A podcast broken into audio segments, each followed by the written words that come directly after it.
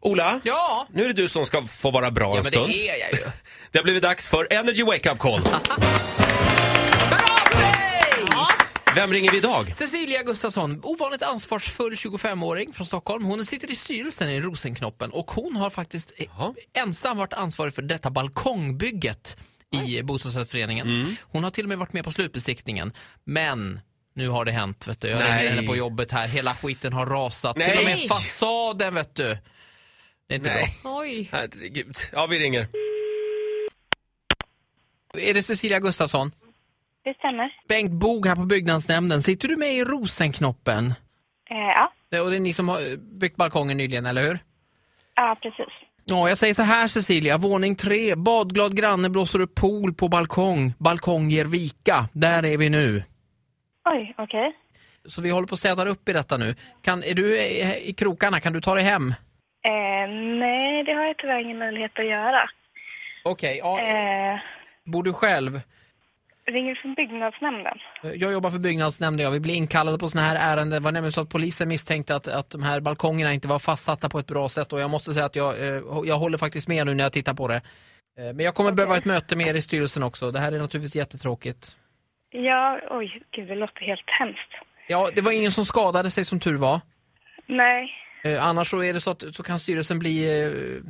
Eh, det finns ansvarsplikt runt det här va? För att på det här sättet som det har satts upp, eh, det, det, det- det håller ju knappt för någonting va? Det, det är inte alls konstigt att detta rasade. okej. Eh, har, har ni gjort en besiktning på balkongerna från styrelsens sida? Eh, ja, den utfördes förra veckan. Ja, då skulle jag vilja vara på ett personligt plan väldigt kritisk till hur det har gjorts. Och jag kommer rikta skarp kritik mot styrelsen i detta fall för att detta här är ju fara för människoliv va? Alltså, jag, jag, jag är helt mållös. Det, Jag förstår det. eh, vi har ju försökt göra allting helt rätt från början. Det kommer förmodligen bli baracker till midsommar va? All- Alla måste ut här nu, flytta in möbler och sånt, få bort tyngd från väggen för att inte hela väggen ska ge vika va? Det kommer se ut som i Beirut annars va? Det, det här är, det kommer bli Men fruktansvärt. gud, herregud. Ja, det, det, detta är någonting vi måste göra i alla fall. Är det så att du har, har du en radio hemma? Eh, ja... Jag tycker jag ser en radio där. Det står här, eh, lyssnar du ibland på Vakna med Energy? Nej. Då, om du hade gjort det, då hade du kanske förstått va? att detta är, detta är bara ett skämt. Fan, jag vet inte vad jag ska ta mig ur det här. Förlåt Cissi, det, är bara- det är bara ett skämt. Det är din kollega Marcos som ville att vi skulle skämta med dig. Det är Ola på Energy. Gud, det där var inte roligt. För fem öre. Jag lovade Marcos att du skulle gå bort och prata med honom. Jag vill helst aldrig mer prata med honom faktiskt. Nej, nej bra, bra. Men när du, när du känner att du har svalnat lite grann, då kan du gå bort och prata med honom. Ja, Ja, okej. Ha det så bra.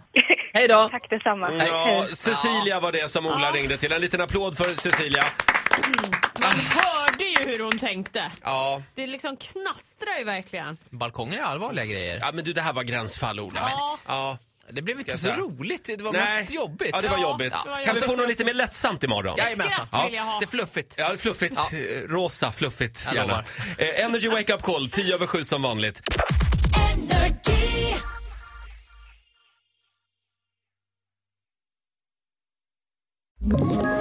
Ett poddtips från Podplay. I fallen jag aldrig glömmer djupdyker Hasse Aro i arbetet bakom några av Sveriges mest uppseendeväckande brottsutredningar.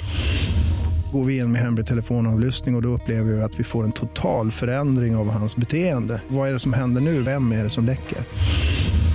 Och så säger han att jag är kriminell, jag har varit kriminell i hela mitt liv men att mörda ett barn, där går min gräns. Nya säsongen av Fallen jag aldrig glömmer på Podplay.